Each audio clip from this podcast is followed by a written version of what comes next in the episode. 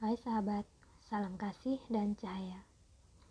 Aku mau cerita, dan cerita ini masih tentang pengalamanku sebagai calon tenaga kerja wanita negara tujuan Hong Kong. Ceritaku mulai ketika ada utusan agen dari Hong Kong datang ke PT untuk mencari anak. Akhirnya, anak-anak yang belum dapat majikan termasuk aku dipanggil ke kantor untuk diinterview. Dan aku yang paling terakhir interview. Dari semua anak pemula, aku termasuk bagus dalam menjawab pertanyaan. Tetapi malah aku yang tidak dipilih. Sampai guru bahasa bertanya sekali lagi untuk memperjelas apakah aku dipilih atau tidak. Ternyata tidak. Di saat itu, jujur saja aku langsung luka batin Bagaimana tidak? Semua dipilih. Aku saja yang tidak. Aku tahu alasannya kenapa. Aku kecil secara fisik. Ditambah wajahku baby face dan di mata mereka, aku bisa apa? Dan seperti itu reaksi kebanyakan orang kalau hanya melihatku dari sampul luar. Bisa apa ya anak kecil ini?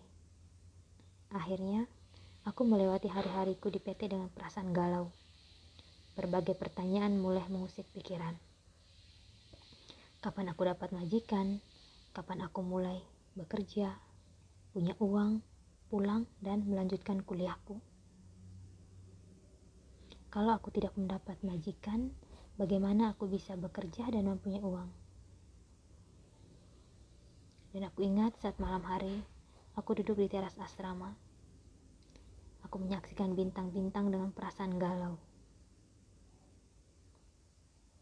Beberapa hari berikutnya, keajaiban terjadi. Aku diambil majikan tanpa interview. Majikanku percaya saja bahwa aku bisa kerja. Aku senang bukan main sekaligus tidak menyangka. Aku yang tidak dianggap oleh agen lain malah diterima agen yang lain lagi dan langsung mendapat majikan tanpa proses yang rumit.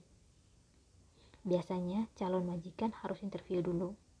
Calon majikan harus melihat postur calon tenaga kerja dan setelah itu membuat keputusan menerima atau menolak.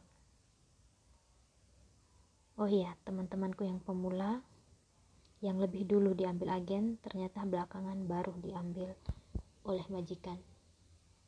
Jadi aku termasuk beruntung. Begitu aku dapat majikan, job orderku ternyata merawat nenek berusia hampir 80 tahun. Aku sempat berpikir, aku bisa tidak merawat nenek itu. Kalau dia lumpuh dan ternyata lebih berat dariku bagaimana? Aku sampai berlatih menggendong teman-teman di asrama. Kalau temanku si kriwil beratnya 45 kg aku masih bisa menggendongnya dengan mudah. 50 kg pun masih bisa. Kalau 60 kg, aku hanya bisa menggendong beberapa detik dan kaki benar-benar tidak bisa melangkah. Karena job orderku merawat nenek, jadi aku diikutkan dalam kelas praktek merawat orang jompo bersama teman-teman yang mau diberangkatkan ke Taiwan.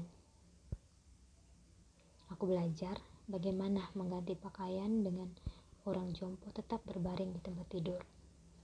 Bagaimana mengganti spray tanpa harus membangunkan orang tua jompo dan berbagai keterampilan lain. Setelah praktek di PT selesai, aku dikirim praktek ke tempat penitipan orang tua selama seminggu. Oh ya, aku dan teman-teman juga diajarkan cara untuk mentensi darah menggunakan air raksa dan yang tensi biasa. Dan pengajar kami memang dulunya adalah perawat di rumah sakit. Begitu tiba di TPO, aku dan temanku mulai melakukan tugas kami.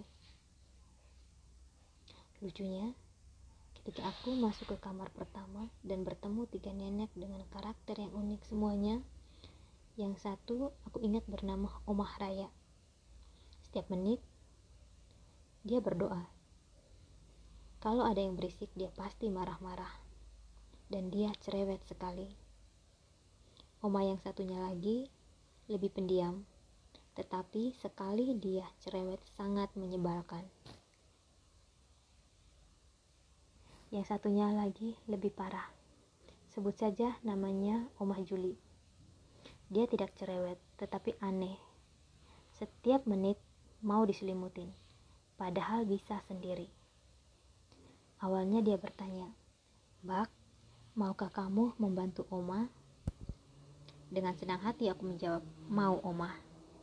Sekalipun Oma meminta berkali-kali, aku menjawab dengan percaya dirinya, iya Oma. Begitu aku tahu dia punya kelainan, aku menyesal minta ampun sudah berjanji. Akhirnya Oma ini suka mencariku dan memaksaku untuk menyelimutinya. Kalau aku tolak, dia selalu menarikku dengan paksa, dan terjadilah aksi tarik-menarik. Yang paling lucu, aku sampai kejar-kejaran dengan Oma ini di teras panti. Dia masuk, aku keluar. Begitu berulang kali. Aku ingat Oma itu bilang, "Kamu ya, kecil-kecil jahat." Aku juga tidak mau kalah. Aku menjawab balik, "Oma juga." sudah tua, tukang bohong. Bilangnya sudah tidak minta diselimuti lagi, tetapi kenyataannya masih menyuruh. Memangnya Oma kira aku tidak capek? Oma kira aku hanya mengurusi Oma? Belum lagi kena semprot dari Oma Raya, kalau aku dan Oma Juli berisik. Pokoknya mengurusi tiga nenek jompo di kamar pertama benar-benar butuh kesabaran. Kalau kamar kedua dihuni seorang kakek, Aku senang dengan kakek karena tidak banyak tingkah. Kata kakek, dia senang tinggal di TPO. Makan ada yang menyiapkan. Mandi juga ada yang memandikan. Kalau di rumah, dia sering dimarah-marah dan diperlakukan dengan kasar. Karena sudah tua dan lumpuh separuh. Kalau di TPO, dia diperlakukan seperti raja.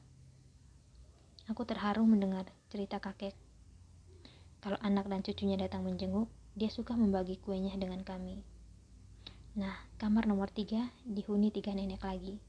Yang dua karakternya diam dan tenang, yang satunya setiap menit berteriak, Mbak Siupin, yang berarti pipis. Aku dan temanku cepat-cepat memasang pispot. Begitu oma ini siupin, ternyata hanya setetes dua tetes. Setelah pispotnya diangkat, tiba-tiba dia berteriak lagi.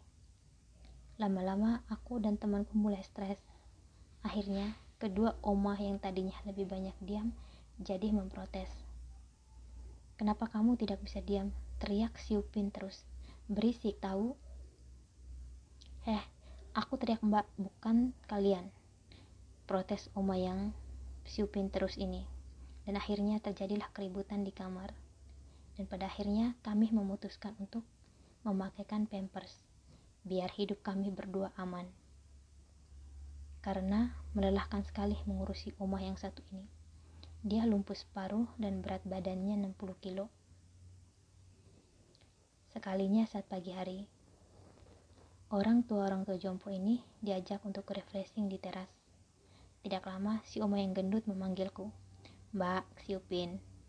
Dalam hati aku bilang, duh, aku tidak sanggup menangani oma ini sendirian. Akhirnya, kusuruhlah oma ini bernyanyi. Ketika dia bertanya, Nyanyi apa mbak? Aku bilang, Bengawan Solo. Akhirnya oma ini menyanyikan lagu Bengawan Solo dengan merdu. Begitu selesai, dia bilang, Bak Siupin, eh kusuruh lagi menyanyi lagu Jembatan Merah. Akhirnya oma ini menyanyi lagi. Di saat itu sebenarnya aku hanya mau mengulur-ulur waktu sampai temanku yang lebih besar dariku untuk mengurusi Oma. Karena dia masih sibuk mengurus yang lain, akhirnya aku mengulur-ulur waktu sampai dia datang. Begitu dia datang, dia mengurusi Oma ini. Aku praktek di TPO hanya satu minggu. Kalau satu bulan, aku pastikan aku bisa darat tinggi. Beruntungnya, nenek yang mau kujaga di Hongkong masih sehat secara fisik. Begitu juga kakek Aku hanya mengurusi kebutuhan mereka dan mengurusi penginapan. Semua anaknya tinggal di tempat lain, dan ternyata kakek bisa bahasa Indonesia sedikit. Dia lahir di Batavia dan tinggal di Batavia sampai usia 8 tahun. Setelah itu kembali ke Talu, Cina dan setelah dewasa kakek merantau ke Hong Kong dan jadilah kakek warga Hong Kong. Nah sahabat, itu ceritaku. Thank you. Namaste.